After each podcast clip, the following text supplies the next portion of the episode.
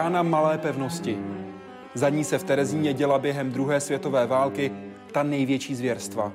Hladovění, mučení, smrt. Ale život byl krutý i před ní, v terezínském getu. Pro nacisty bylo geto článkem v jejich konečném řešení židovské otázky. Místem pro odklizení pro ně nepohodlných lidí, přestupní stanicí do koncentračních a vyhlazovacích táborů a také, mimo jiné, nástrojem propagandy. Celkem prošlo terezínským getem 155 tisíc lidí. 35 tisíc z nich zemřelo přímo v Terezíně. Dalších 83 tisíc bylo zavražděno ve vyhlazovacích, koncentračních a pracovních táborech, anebo zahynulo během pochodu smrti v závěru války. To znamená, že ze čtyř lidí, kteří byli posláni do terezínského geta, přežil jediný. 5. května 1945 odešel poslední z nacistů, velitel tábora Karl Rám. Vítejte ve světě vědy a otázek současné společnosti. Začíná Hyde Park civilizace. Tentokrát z centrální márnice Terezínského geta. Žil v Terezínském getu, přežil koncentrační tábor v Osvětimi, pan Toman Brod. Moc děkuji, že tu jste s námi. Hezký den. Dobrý den. Do Terezína jste byl poslán v červenci 1942. Co jste tehdy čekal? Jaký život v Terezíně jste očekával?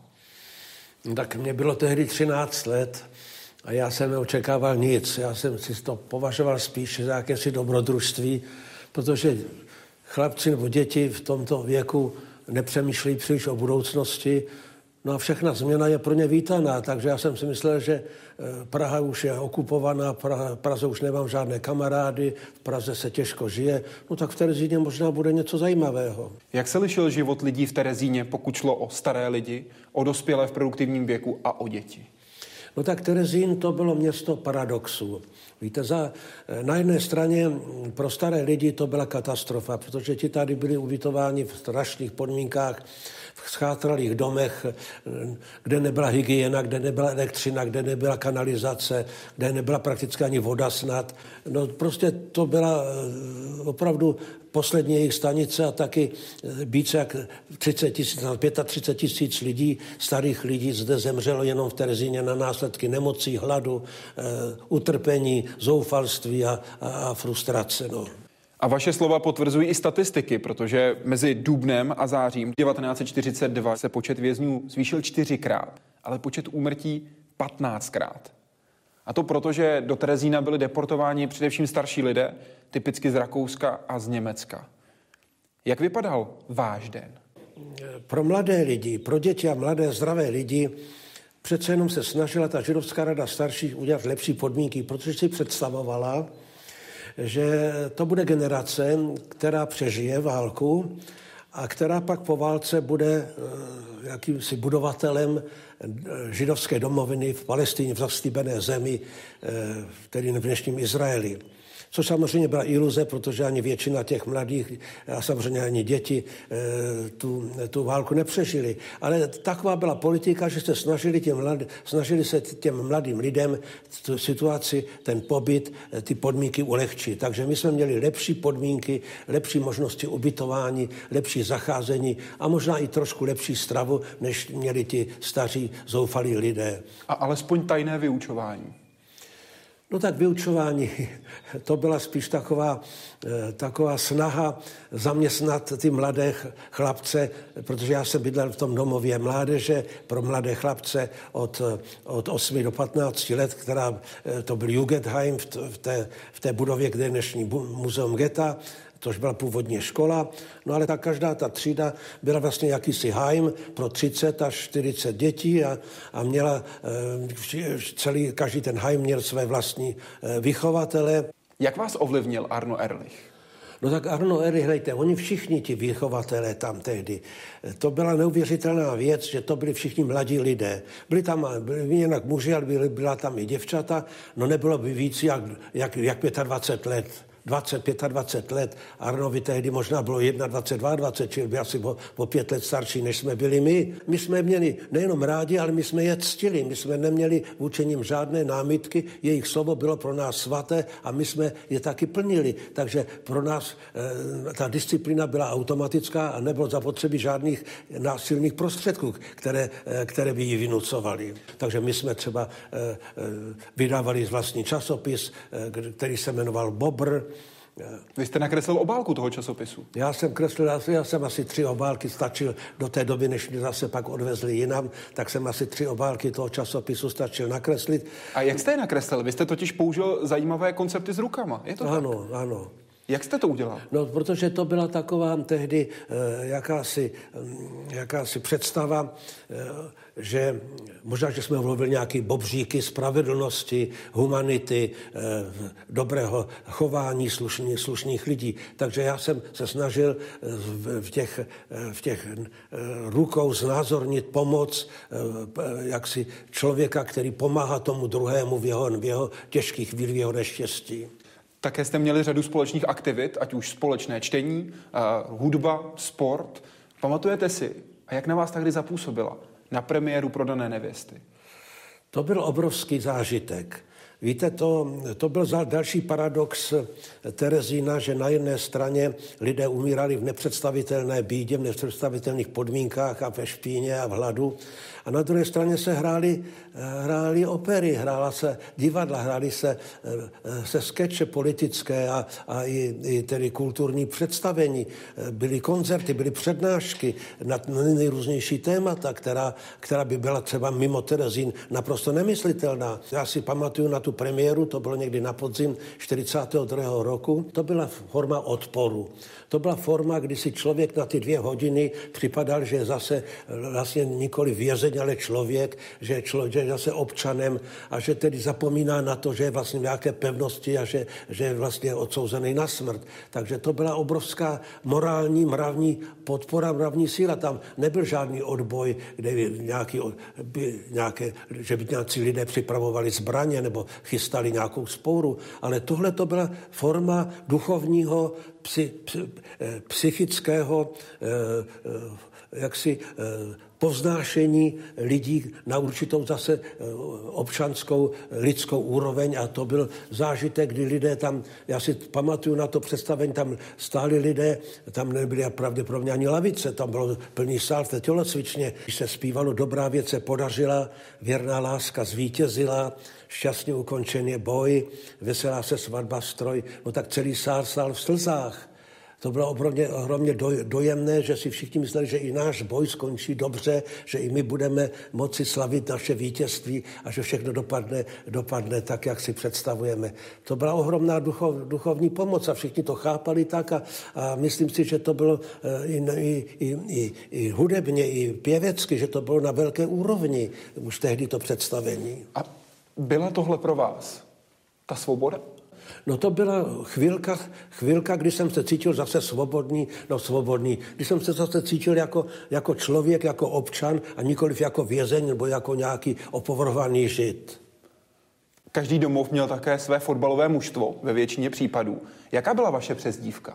To byl další paradox, že se kromě toho, že lidé umírali tady uh, hladem a, a, a zoufalstvím, tak tady se hrál pravidelně fotbal. Měli jsme své vlastní družstva, měli jsme vlastní dresy, no a, a byli jsme zase, zase, zase na, na to půl druhé hodiny jsme zase byli uh, kluci, kteří se vrátili ke svým fanouškům z doby první republiky a, a byli jsme zase, zase Spartané nebo slávisté. No. Vzpomínáte si, jakou jste měl vy osobně přezdívku? Jo, no tak já, já jsem totiž uh, velmi nadšený fotbalista, ale nikoliv dobrý, víte. Takže já jsem uh, spíše uh, uh, se vyznačoval jakýmsi nekoordinovanými, nekoordinovanými pohyby, takže mě říkali koza že jsem jak skákal tam jako, jako kozel, no tak to nebyla zrovna moc příjemná přezdívka, no ale já jsem chápal, že tedy asi si zasloužím. A nebyla jste to nějak zle? Ne, to žádná přezdívka tehdy nebyla pejorativní. No tak samozřejmě někteří chlapci některou přezdívku třeba neměli zrovna ne v lásce, ale v podstatě to nic nebylo, nebylo urážlivé, žádná šikana nebo něco, něco, co by mělo chlapce ponižovat. 23. června 1944 přijela do Terezína delegace Mezinárodního výboru Červeného kříže.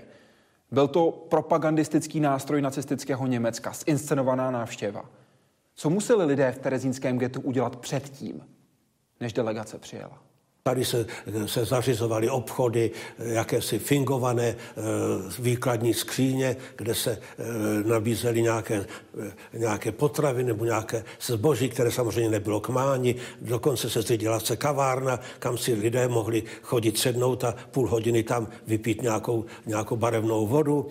Eh, připravoval se taky eh, koncertní eh, prostor pro, pro, pro, pro orchestr na náměstí, který jinak bylo, to náměstí bylo nepřístupné, ale, ale jinak na tu, na tu dobu, kdy tam měla přijít ta delegace, tak tam měl být, byl jaksi prostor pro, pro lázeňské hosty, protože oni nabízeli židům hlavně z Německa, že přijedou do, do lázně Terezín, Terezínštát, tak museli tady udělat z toho takovou potěmkinovskou vesnici vesnici, která měla tyto lázně připomínat.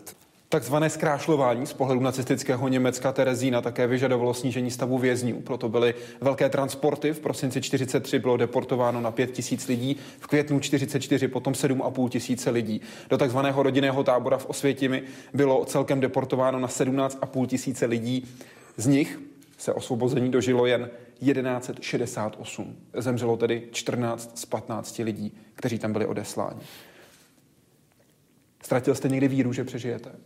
No tak já eh, jsem byl naprosto přesvědčen. Já jsem si ani na chvilku ne, eh, jak si eh, nepředstavoval, že bych měl zahynout, že bych měl skončit v těch plynových komorách nebo nějakým jiným způsobem. Já jsem věřil, že pokud jsem ještě zdravý, a já jsem tehdy ještě při tom bobitu v Osvětimi v létě nebo v najaře 44 44. roku, tak jsem byl ještě zdravý a silný, takže já jsem, eh, samozřejmě jsem viděl, my jsme tam viděli na dohled eh, ty, eh, ty budovy, my jsme tam viděli ta, ty komíny, z kterých šlehali plameny a šel kouř a my jsme věděli, že to jsou plynové komory, kde se hubí lidé. No ale já jsem si říkal, tak je pro mě to nepřichází já jsem si nikdy neuvěnoval nebo nepředstavoval nebo nevěřil, byl jsem přesvědčen, že já přežiji a že tedy já tento osud osud sdílet nikdy nebudu. Takže pro mě strach ze smrti tehdy neexistoval.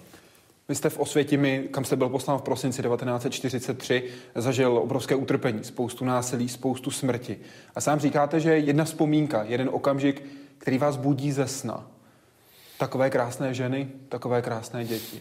Aha, no tak to byla, to byl zase takový paradox, protože my jsme Eh, pak už, když byl zlikvidován rodinný tábor v létě 44. roku, tak nás ještě v jakýmsi zázrakem doktor Mengele, chlapce, kterým ještě nebylo 16 let a tudíž nebyli ještě eh, schopni nebo nebyli určeni k práci, tak vybral ještě eh, asi 90 chlapců do tábora mužského, kde jsme pak pracovali. Jsme jeli pro dřevo do krematorií, mimo tábor. To byl totiž dvůr, když někdo vešel do toho dvora, tak už se nevrátil zpátky.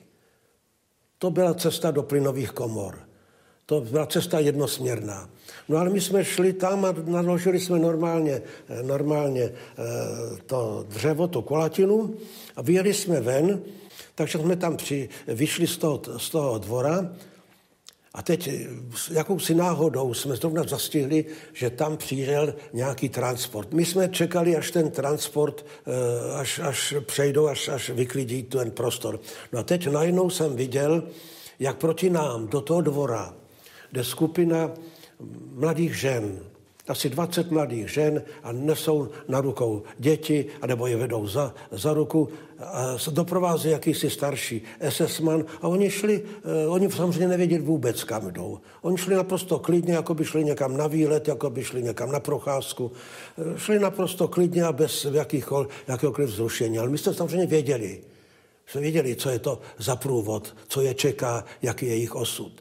Tak jsme tam stáli a teď jsem s námi tam, vždycky nás musel doprovázet nějaký kapo, to znamená nějaký, nějaký eh, eh, ten funkcionář, většinou to byli němečtí zločinci, němečtí kriminálníci, eh, kteří byli stejně krutí a stejně násilní, jako byli esesmani, takže to asi nebyl zvláštní rozdíl. Ale náš, zrovna náš, náš kápo, ačkoliv to byl taky německý zločinec, měl ten zelený trojuhelník, tak to byl slušný člověk, nebo jsem si pak uvědomil, že byl slušný člověk, tak ten tam stál eh, před námi a teď viděl ten průvod a teď, eh, teď právě šeptal, já jsem stál vedle něho, on šeptal eh, solche schönen Frauen, solche schönen Kinder, takové krásné nebo takové hezké ženy a takový, takový, takové hezké děti. A viděl jsem, jak mu tečou slzy po, po tváři. No a teď samozřejmě my jsme, eh, pro nás smrt, pro nás eh, plynové komory byla, byla věc denního pořádku, takže my jsme čekali, až, až oni přejdou, ale tehdy jsem si snad ani neuvědomoval tu hrůzu toho, eh, toho zážitku ale spíš bych řekl, že mě to pak, když jsem si eh, všechno dal dohromady, eh, ty své, ty své zkušenosti a celou tu hrůzu toho, toho ty, to, té továrny na smrt, tak pak mě to tedy, pak mě to tedy dlouhá léta, dlouhá léta děsilo ve spánku. Tento zážitek, který, si, který jsem tehdy viděl na vlastní oči. Osvětimi byly zavražděny tisíce lidí, mezi nimi i Petr Ginz, se kterým se setkal tady v Terezíně. Jak na vás Petr Ginz zapůsobil? No tak to byl právě domov číslo jedna, který vedl profesor Walter Eisinger. To byl ten domov té škole eh, pro, pro ty chlapce do 15 let. Eh, ty mládenci z toho ty chlapci z té jedničky, to byla skutečně, nevím, jakým způsobem se to stalo, ale opravdu to byl duchovní, duchovní výkvět toho eh, domova mládeže. Takže tam byl ten Petr Ginz, tam byl ten Hanuš Hachenburg, tam byl Zdeněk Ornstein nebo Ornest, jak se pak po válce jmenoval, tam byl Rudolf Lauf, tam byl Erich Polák. To byli všichni lidé, kteří, eh, kteří měli velkou velkou duchovní, duchovní náboj, veliký, veliký, veliké nadání a veliké, veliké eh, jaksi schopnosti plodit, plodit eh, kulturní eh, teze a kulturní, kulturní pořad a kulturní články a kulturní, kulturní zprávy. Takže oni vydávali časopis, který se jmenoval Vedem, sami si ho vydávali, sami ho psali, no a teď ti chlapci si tam právě pak diskutovali o těch článcích a, a, a byli Eh, to byla opravdu na, na velké úrovni, to bylo, eh, to, to se nedá srovnat asi s dnešními 14 nebo 15 letými chlapci. Tehdy ta, ta mládež byla opravdu jinak vyspělá a taky se jinak chovala pod, pod zorným úhlem to, té hrůzy a toho nebezpečí, které na ně dolehlo, takže oni byli vlastně už dospělí. Právě časopis Vedem je ten vůbec nejvýraznější časopis, který byl vydáván v Terezínském getu. Úplně normální kluk s velkým zájmem o vše kolem. Petr Gins byl jedním ze zhruba deseti a půl tisíce dětí, které skončily v terezínském getu. Jeho příběh byl ale v mnoha ohledech výjimečný. Hodně četl historické knihy a zajímal se o přírodní vědy. Mezi jeho nejoblíbenější patřily Verneovky a různé cestopisy. Mimo to také hodně kreslil a maloval. Organizátorem a autorem byl Petr Gins od dětství. Už na základní škole vydával svůj první časopis. Byl také starostou třídy. Samozřejmě dělal svoje lumpárny, občas se zmiňuje v svém deníku, že třeba obsal nějakou písemku nebo něco. Byl to prostě normální kluk, který ale žil, šel skutečně naplno. To se po začátku války pomalu, ale jistě změnilo. Jako první byli deportováni Petrovi židovští příbuzní. On, co by dítě ze smíšeného manželství, dostal povolání později. V říjnu 1942 chvíli po svých 14. narozeninách nastoupil tady na nádraží Praha Bubny do transportu do Terezína. Ani tady nezahálel. Časopis Vedem, který založil, nebyl jediným, který v Terezíně vycházel. Podařilo se ho ale zachránit a je tak unikátním svědectvím místa a doby. Místa a doby, na kterou mohli chlapci díky fejetonům, povídkám nebo odborným článkům pátek co pátek při společném čtení na chvíli zapomenout. Ten Petr se vždycky snažil, aby to psali všichni členové toho domova, což znamenalo, že buď to za nimi dlouho chodil a snažil se je přemluvat k tomu článku, nebo čas od času uplatil nějakého toho kluka třeba buchtou nebo, nějak, nebo nějakým bombónem. Celkem se zachovalo na 800 stránek, včetně ilustrací nebo třeba Volkrovské poezie Hanuše Hachenburga. Časopis Vedem vycházel až do léta 1944. V září byl Petr Gins deportovaný do Osvětimi. Kde hned téhož dne proběhla selekce a Petr byl poslán nalevo, což znamenalo ještě téhož dne jistou smrt. Petr Gins je i autorem tohoto obrázku Měsíční krajiny. Vzal ho do vesmíru už izraelský astronaut Ilan Ramon, ale zpět se s ním nikdy nevrátil. Zemřel při havárii raketoplánu Columbia. Jeho misi tak převzal Andrew Feustel. Uh, my intent is to uh, to complete that mission uh, for Elan and also uh, honor the memory of Petr and, and all the six million uh, people who lost their lives in that uh, time in history. Ze zhruba stovky autorů Vedemu válku přežilo 15. Vzpomínku na ně pomáhají zachovat studenti Pražského gymnázia přírodní školy. Mezi nimi je teď i 12-letá pranetéř Petra Gince. Je takový hrozně zvláštní, když vlastně ostatní vidí hrozně moc věcí o vlastně vašim příbuzným a vy v podstatě víte skoro půlku. V rámci projektu Terezínská štafeta se k ním připojily desítky českých škol a společně rekonstruují, doplňují a připomínají příběhy terezínských dětí. Jaroslav Zoula, Česká televize. Co si o to myslíte? No já si myslím, že to je eh, veliká, veliká zásluha eh, české společnosti nebo českých intelektuálů nebo českých organizací, že se vrací k tomuhle tomu eh, příběhu, k této, k této události nebo k, k této k této problematice, která tehdy žila a existovala v terezínském getu a kterou, kterou vlastně produkovali tito mládenci 14-15 letí a mohli, eh, mohli dneska mluvit vlastně, nebo mohou mluvit dneska eh, k české veřejnosti nebo i k světové veřejnosti. Eh, poselství dávat jim, že oni vlastně eh, zůstali pořád eh, eh, kulturními eh, občany, snažili se pořád o nějaké poselství, o nějakou, o nějakou vizi do budoucna, věřili, že přežijí, že budou zase z nich dospělým eh, muži a že budou moci se zúčastnit eh, života zase v osvobozeném světě a hlavně tedy pak v osvobozené, v osvobozené Palestině, v osvobozené Izraeli. Pane Brode, co je pro vás to klíčové? To, co by si měli všichni pamatovat? Hrůza kolektivní viny.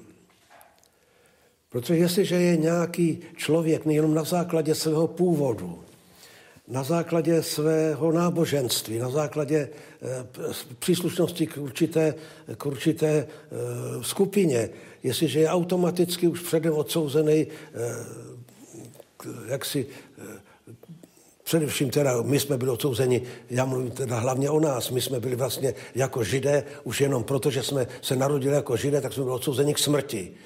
Takže e, nedělit lidi podle, podle toho, ke kterému národu nebo ke které rase nebo ke které barvě pleti patří, ale rozlišovat lidi podle toho, jestli jsou slušní nebo neslušní, jestli jsou dobří nebo zlí, jestli jsou spravedliví nebo nespravedliví. A to je deviza, kterou já se teď řídím ve svém dalším životě, že už nikdy nechci lidi lidi házet do jednoho pytle jenom podle toho, že se mně nelíbí třeba nějaká skupina nebo chování nějakých jejich, jejich, jejich bližních.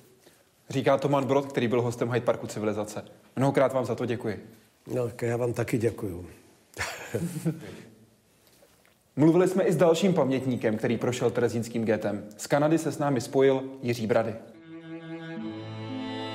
Desetitisíce příběhů lidí, které nacisti poslali během druhé světové války do Terezína, pak často do koncentračních táborů na smrt. Tohle jsou jména těch, kteří nepřežili, kteří byli zavražděni. Mezi nimi i Petr Ginz. Jiří Brady s ním žil v Terezíně a jel stejným transportem do Osvětimi, do továrny na smrt. Jiří Brady je teď hostem Hyde Parku Civilizace. Moc krát děkuji, že jste s námi ve vysílání. Přeji dobrý den. Dobrý den. Co se vám vybaví jako první, když řeknu Petr Ginz? Petr Ginz, neobyčejně nadaný kluk, který se zajímal o věci, který, o kterých jsme my neměli ponětí. A to nás budilo úplně jiný, jiný pocit, prostě, že jsme eh, se dostali z toho koncentráku myšlenkama alespoň ven. Vy jste v květnu 1942 přišel do Terezína a dostal se do pokoje číslo 1 v objektu L417. Jak to v něm tehdy vypadalo? Kolik v něm bylo chlapců? Jak tam fungoval život? To byl, když jsme přijeli do Terezína, tak nás rozdělili na muže a ženy a děti a mlád, mládež dali do bývalé školy L417. To byla bývalá škola, kde bylo asi sedm tříd a v té naší třídě číslo jedna nás žilo 40.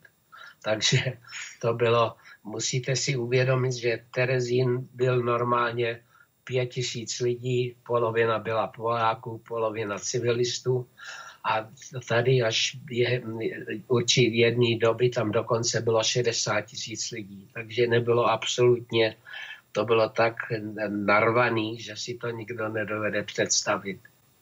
Jak váš život ovlivnil Walter Eisinger? Walter Eisinger, my jsme byli, my jsme byli na pokoji číslo jedna a 40 zhýčkaných kluků, což byl velký problém, protože jsme ze začátku nesměli ani z budovy ven. Jsme se prali a tak, takže to nebylo, to byl velký problém. A když přišel Eisinger, tak on řekl, chlapci, já jsem tady, když mě potřebujete, ale jinak vy budete si všechno rozhodovat sami. Tak jsme udělali takový, se to jmenovalo škyt, to bylo podle vzoru ško, škola jména Dostojevského, kde byly bezprizorné děti a, a tam se rozhodovalo, všechno jsme, měli jsme samozprávu a se rozhodovalo, kdo bude uklízet, kdo bude, bude pro jídlo, kdo se bude starat o nemocné. A Peter Gins právě navrhl, aby jsme psali časopis. A tím se náš život úplně změnil, protože jsme žili jenom pro ten časopis, kde se psalo, co se děje a všechny možné články. A e, pro nás to byl svátek v pátek, když jsme ty, ty články četli. Takže to bylo, to změnilo, náš život změnilo neuvěřitelným způsobem. Vás Petr Gins přesvědčil, abyste napsala reportáž o dálkovodném topení. Vám se nechtělo. Jak vás přesvědčil? Já jsem žádný spisovatel nikdy nebyl. Nikdy jsem, eh, tam bylo mnohem chyt, víc chytřejších a intelektuálů, a, eh, ale oni chtěli, aby každý k tomu přispíval, tak jeden kamarád, který Kurt Kotouč, který scháněl ty články pro Petra, tak mě prostě řekl, abych napsal o topení a potom jsem psal o dřevě a prostě eh, mě nutili, abych něco taky přispěl. Jak přesvědčoval Petr Gins ostatní, aby psali, i když psát nechtěli? Byl tvrdý vyjednavač nebo nabízel něco na oplátku? Jak to fungovalo? On, on byl jeden z mála, který měl rodiče venku, takže my jsme potom nakonec v určitou dobu směli dostávat jeden balíček za měsíc a většina kluků nikoho neměli, komu ten eh, poukaz poslat, tak eh, to dali Petrovi a ten to poslal domů, takže dostával spoustu balíčků a on se o to dělil právě a kdo přispěl nějaký článek, tak dostal jako odměnu, dostal nějaký část toho balíku. On ty balíčky dostával od rodičů, vy jste dostával balíčky od tety a strýce, ale potřebovali jste známky, které jste měnili právě se svými kamarády z daného baráku. Ano, protože nikdo, oni nikoho venku neměli a my jsme byli jedni z mála, kteří to mohli někomu poslat a tím jsme vlastně dostali těch balíků mnohem víc. A, a pak se rozdělili o ten obsah. Tak se dělili s těma, eh, kteří ten původně ten poukaz dostali. Vy ve vaší samozprávě jste řešili i situace, které jste rozhodně nechtěli zažívat. Vznikla tam situace, kdy někdo začal krást jídlo. Jak jste zjistili, kdo to byl a jak jste se zachovali? well, uh, někdo kradl jídlo a to bylo taky, jak se anglicky říká no-no. To se, to se prostě nedělalo, že sebrat kamarádům jídlo. Tak jsme řekli, že ho chytneme a já jsem zjistil, že můžeme dostat pilulky. Myslím, že to byl Martin nebo něco. A to, když se snědlo, tak člověk čural eh, eh, pink eh, bar, barev. A tak jsme dali do jedné do jedné buchty tyhle pilulku a pak jsme to chodili na latrínu s každým, kdo šel čurat a zjistili jsme, kdo to byl. Tak jsme udělali velkou že jsme udělali soud, soudce a porotu a tak dále a byli jsme ochotní ho prostě potrestat. A on okamžitě přiznal a on řekl, podívejte, já tady mám mladého šesti, šestiročního bratra, který pořád brečí, že má hlad, tak jsem prostě nevěděl, co dělat, tak jsem to sebral. Mě to mrzí a já už to nikdy neudělám. No a tak jsme zjistili, že všechno není černý nebo bílý, že vlastně on chudák nevěděl, jak, jak na to, tak od té doby jsme každý něco přispěli, aby ten jeho brat měl něco k jídlu. Jak často jste se v rámci vaší samozprávy neschodli? Well, to bylo, eh, eh, to se stalo často a to bylo dobré, protože jsme měli potom debaty a velmi zajímavé, zajímavé věci. Já bych vám mohl říct jednu věc, kterou se mně osobně stalo, že jsme jednou měli soutěž, kdo vyhraje nejvíc, kdo udělá nejvíc dobrých skutků. A když ten skutek udělá, tak se někomu a ten mu dal určité body. A já jsem tu soutěž vyhrál, ale že mám dokonce ten certifikát ještě jsem, jsem se, se přežil. A tak jsem čekal, že v pátek mě budou obdivovat a oslavovat. A místo toho tam byl článek od jednoho, no, jednoho mládenci, který pomáhal kamarádovi tři dny a tři noci nemocnému člověku. U něj seděl celou noc a celý den a když se optali, proč jsi neřekl o body, on řekl, já jsem to dělal pro něj a ne pro body. A tak jsem viděl, že vlastně je to ví, že je, člověk se má starat a ne jenom, jenom kvůli bodům. Ta situace v Terezíně pro vás byla určitě těžká, ale z toho, jak to popisujete, byly tam ty okamžiky, kdy jste viděl tu čistou lidskost? To, že člověk chce pomoct druhému, ne sobě, ne přežít já, ale chceme přežít všichni? Jsme se snažili pomoct a, a, a já, já říkám, což je hrozně, zní hrozně, a když jsme přišli do Osvědčimy, tak jsme vzpomínali na Terezín jako na lázně, protože tam nás nikdo nezabíjel, nikdo nebylo nebezpečí, když to v Osvědčimy přežít bylo prakticky nemožné. Vzpomínáte si na hymnu Republiky Škyt? Vzpomínám na ní a to jsme na to byli velmi pišní jak, jaká bouze, jaká sláva v republice Jásálit, žije tam samozpráva eh, republiky Škyt. No, to, to, byly, to bylo něco, co se nás nám úžasně pomohlo se dostat z, toho, z té atmosféry toho Terezína ven. Co pro vás symbolizovala? Pro vás tu skupinu, která se dobře znala osobně? Co, no ten časopis byl hrozně důležitý pro nás, protože to nás přivedlo do úplně jiného světa. Jak moc vás obohatili ostatní, se kterými jste tam poznal, po té lidské stránce i po té stránce, co jste se o nich mohl dozvědět, protože to byly lidé z různých oborů, z různých oblastí lidské činnosti? Ano, no na to je trošku všechno vždycky jiný. Já jsem byl jediný na pokoji, kdo pracoval, protože když se muselo pracovat od 16, mě bylo 14 a neměl jsem rodiče a kamarád eh, rodičů rozhodl, že, že budu dělat zemeslo. Že on byl, vedl tam topenářské oddělení, tak já jsem se stal učedníkem instalací. A už jsem tam neměl bydlet, protože jsem pracoval, ale Eisinger mě měl rád, já nevím proč, ale na každý pád to prosadil, že jsem tam mohl zůstat. Takže jsem tam žil s klukama, kteří se tajně učili na půdě v L417 a já jsem pracoval, tak eh, to bylo trošku, trošku jiný. Proč vám říkali chladnokrevný kůň? Protože jsme dělali parní topení a to jsme museli eh, přes ulice převést a já jsem les po lešení, aniž bych se bál a takže z toho vlastně vznikl ten chladnokrevný kůň, že jsem se nebál. Jak vypadal váš den v terezínském getu? Ten byl jasně pro mě osobně to bylo velmi zaměstnání, protože jsem celý den pracoval, potom jsem měl sestru, kterou jsem měl vidět, potom jsem nechtěl, abych zůstal zpět s učením, tak jsem se učil po večerech matematiku a dokonce i ruštinu a angličtinu. Ne, že bych se to moc naučil, ale to, to bylo tak, že pro mě to byl velmi bohatý nebo nákladný život. Vy jste se jednou za týden na dvě hodiny mohl setkat se svojí sestrou, kterou jste zmiňoval. Proč jste se to poprvé minuli? Ano, to bylo jenom ze začátku, když tam ještě žili civilisté.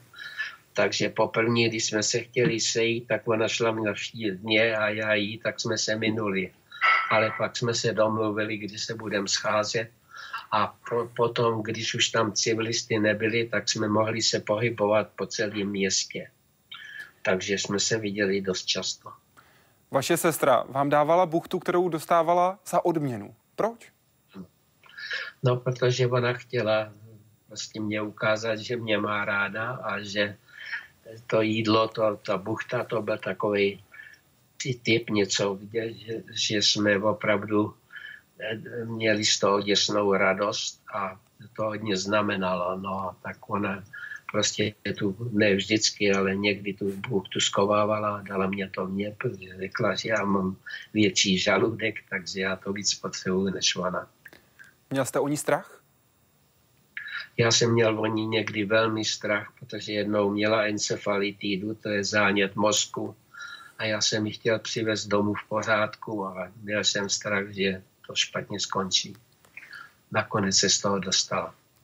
Kdy jste se v terezínském getu nejvíc bál? Kdy? Ano.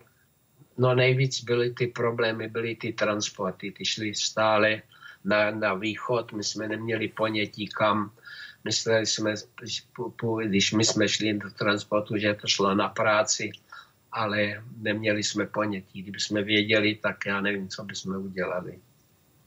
Myslíte, že kdyby lidé věděli, takže by vypukla vzpoura? No by se ne vzpoura těžko, ale by se lidi skovávali, nebo já nevím, co by člověk dělal, kdyby věděl, že prakticky eh, jde na smrt, že by jsme přišli do Osvěcimi, to jsme jeli vlakem, nákladním vlakem, nás bylo 50 ve vagóně, jeli jsme na práci a mysleli jsme, že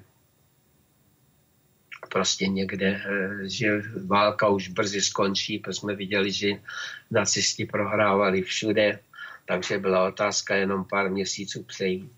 Ale žít, být v transportu do Osvěcimi, kde člověk jel jeden a půl dne ve vagóně, kde nebyl žádný záchod, tam byl jenom kýbl s vodou a kýbl na záchod.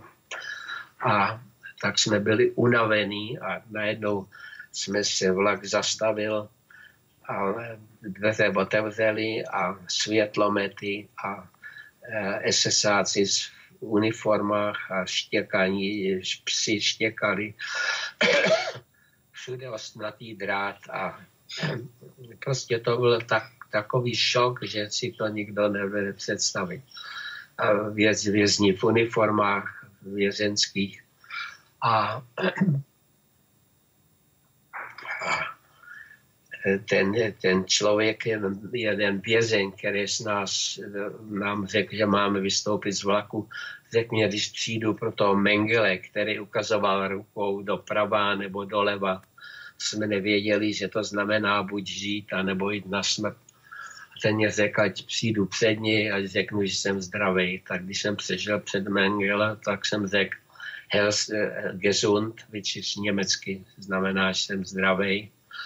A šel jsem na jednu stranu a Petr a Honza Beck, to byl ano, a, a další kamarád, ty šli na druhou stranu. A když jsem viděl, že oni jsou v té slabší skupině, a já jsem v té tí, tí, tí, tí, zdravé skupině, tak jsem myslel, že jsem udělal chybu, že půjdu na těžkou práci a oni půjdou na lehkou práci. Jak se ukázalo, my jsme šli na práci a oni šli na smrt. Už jste neměl nikdy šanci s nimi ani mluvit, ani je potkat? Vůbec ne. Jenom s Eisingerem jsem se sešel a to mě do dneška mrzí. Osvědčí mi a on mě prosil, jestli nemám nějaký jídlo. No já jsem od něj očekával, že nás povzbudí místo, aby žebral.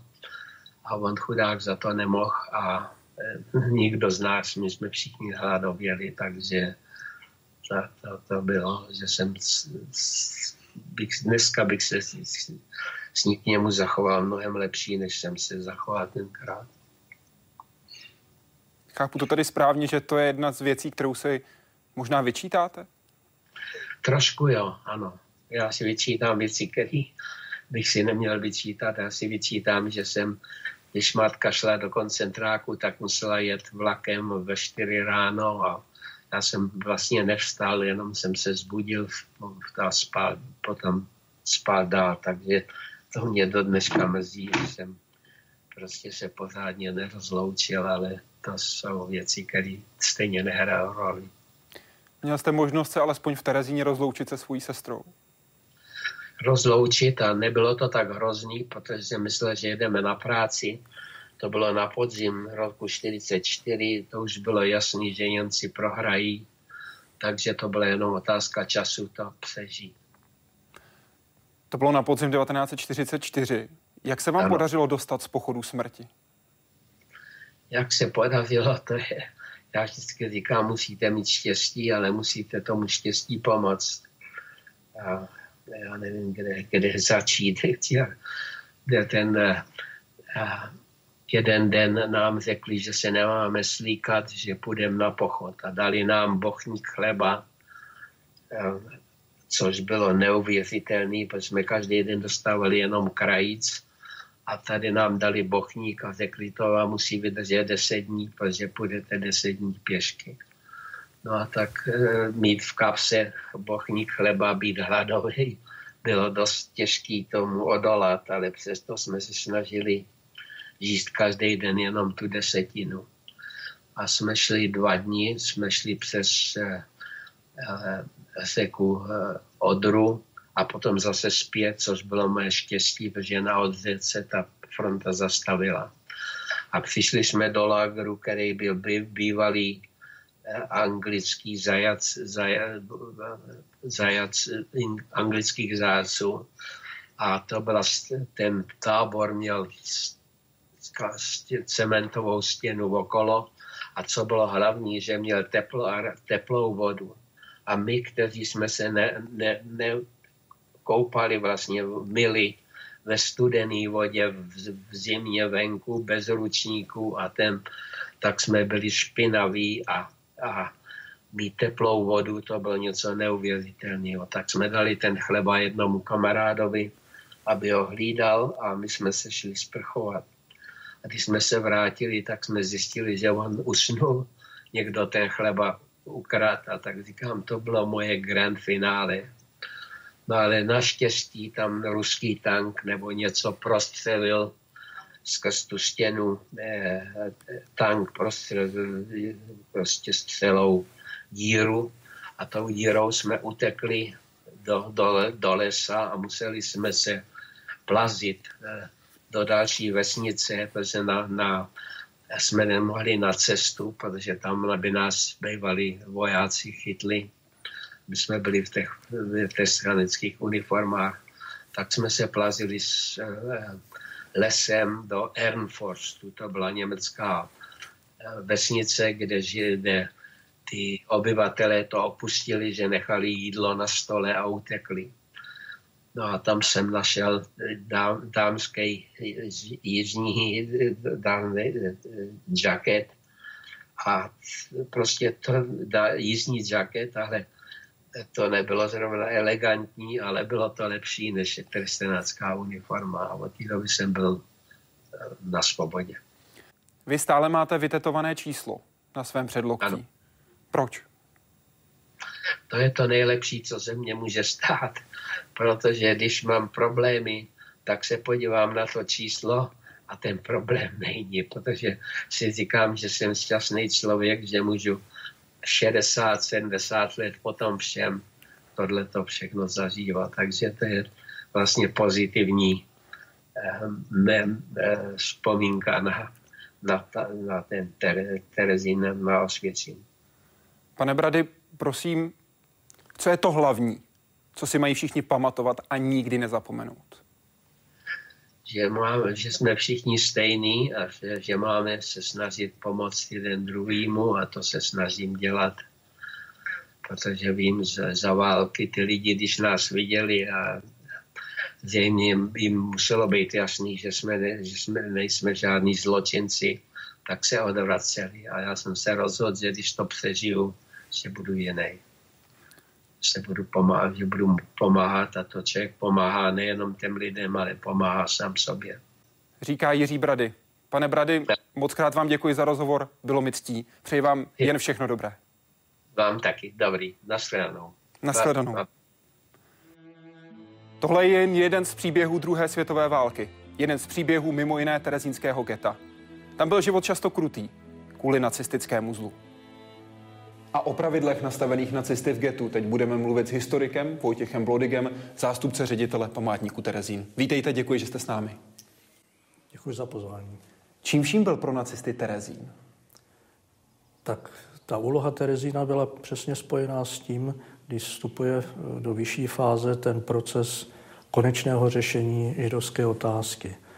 Ne náhodou to bylo v době, kdy se eh, zastupujícím říšským protektorem v Čechách a na Merově stává Reinhard Heydrich, který byl vlastně pověřen realizací tohle obludného programu a Terezín se stává eh, jedním z těch koncentračních center, kde měli být soustředováni židé předtím, než tedy byli eh, posílání na místa hromadného vyhlazování anebo otrocké práce, při které byly eh, likvidováni v procesu tzv.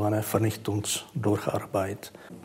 Terezín tedy byl místem koncentrace, místem vlastně transferu do těch míst dále na východě, ale také značná část těch vězňů byla už tady decimována. V podstatě každý čtvrtý z těch, kteří přijížděli, byl decimován už zde a stále více v souladu s tím, jak se vyvíjela ta válečná situace, začala hrát větší roli propagandistická role. To znamená, Terezín byl vybrán za místo, které mělo sloužit jako pláštík přikrývající eh, tu skutečnou tvář eh, konečného řešení. Později byl vlastně využit jako eh, kryt vlastně pro velice důležité archivní materiály, které zde byly soustředěny.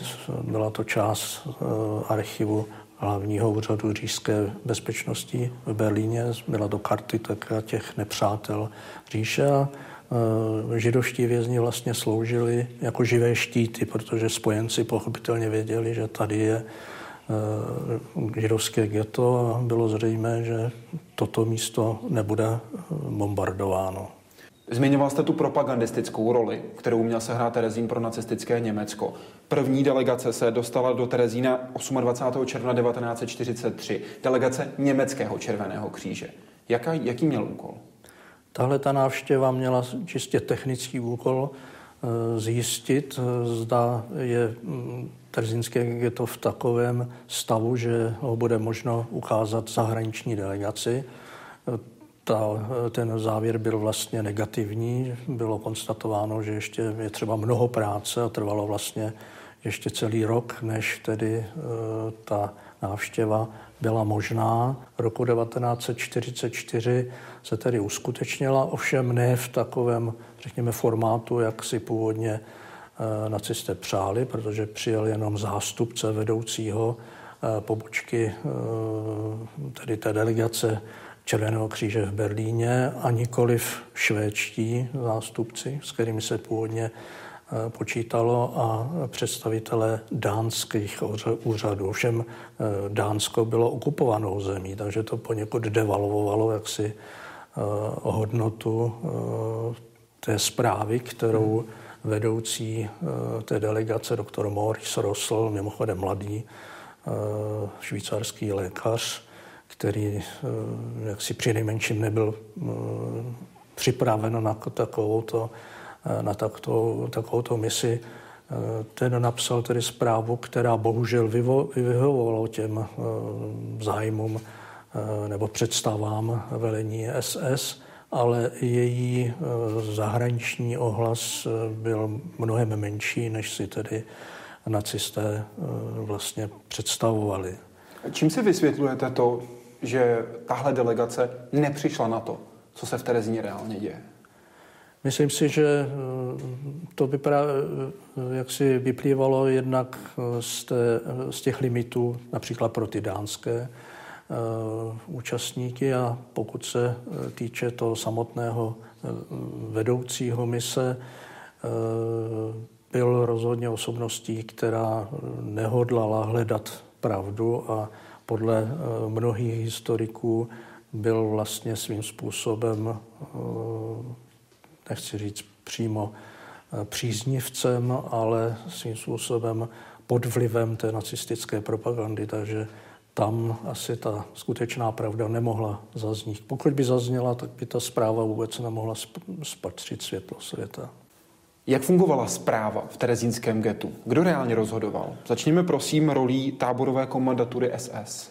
Tak samozřejmě reálně eh, rozhodovala táborová komandatura, která byla doslova do písmene pánem nad eh, životem a smrtí každého vězně a mohla libovolně tedy rozhodnout o jeho okamžitém odeslání eh, na smrt, ať už do nedaleké malé pevnosti, kde byli ti tzv. provinilci z geta rychle jaksi popravování nebo vystavení takovému teroru, že přežili jenom pár dní, nebo byli odesíláni ti tzv. proměnilci proti táborovému řádu eh, v transportech s takzvaným Sonderweisungem, tedy eh, upozorněním, že je třeba je tedy eh, vlastně zavraždit okamžitě pro, po příjezdu těch transportů do místa určení. Táborová samozpráva, takzvaná, spíš by asi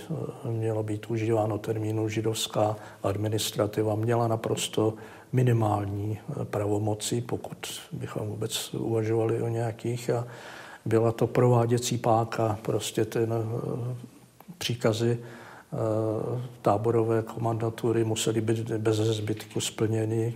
Pokud by tak někdo neučinil, tak prostě okamžitě šel do transportu, šel na smrt.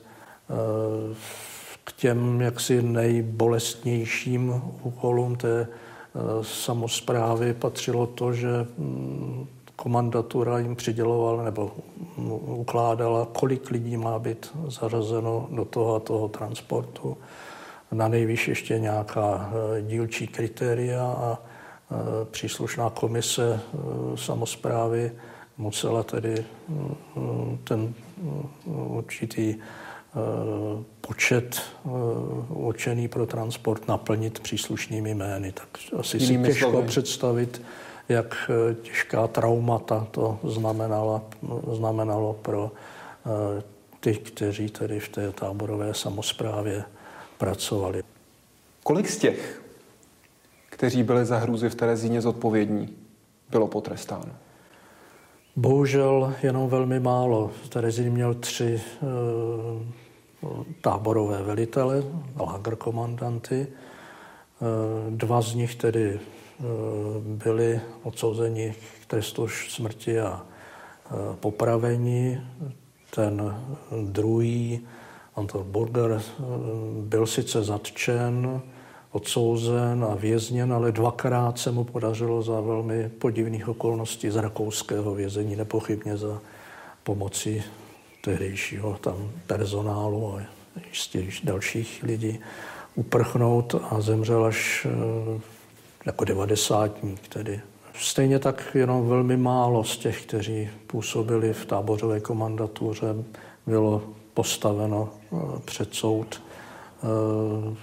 Eh, naprostá většina uprchla, se stoupila do ilegality. To je bohužel skutečnost, že naprostá většina z těch pachatelů zůstala nepotrestána. Říká Vojtěch Blodik, který byl hostem Hyde Parku Civilizace. Pane docente, děkuji vám. Děkuji za pozvání. A děkuji vám, že jste sledovali Hyde Park Civilizace z Terezínského geta. Naschledanou.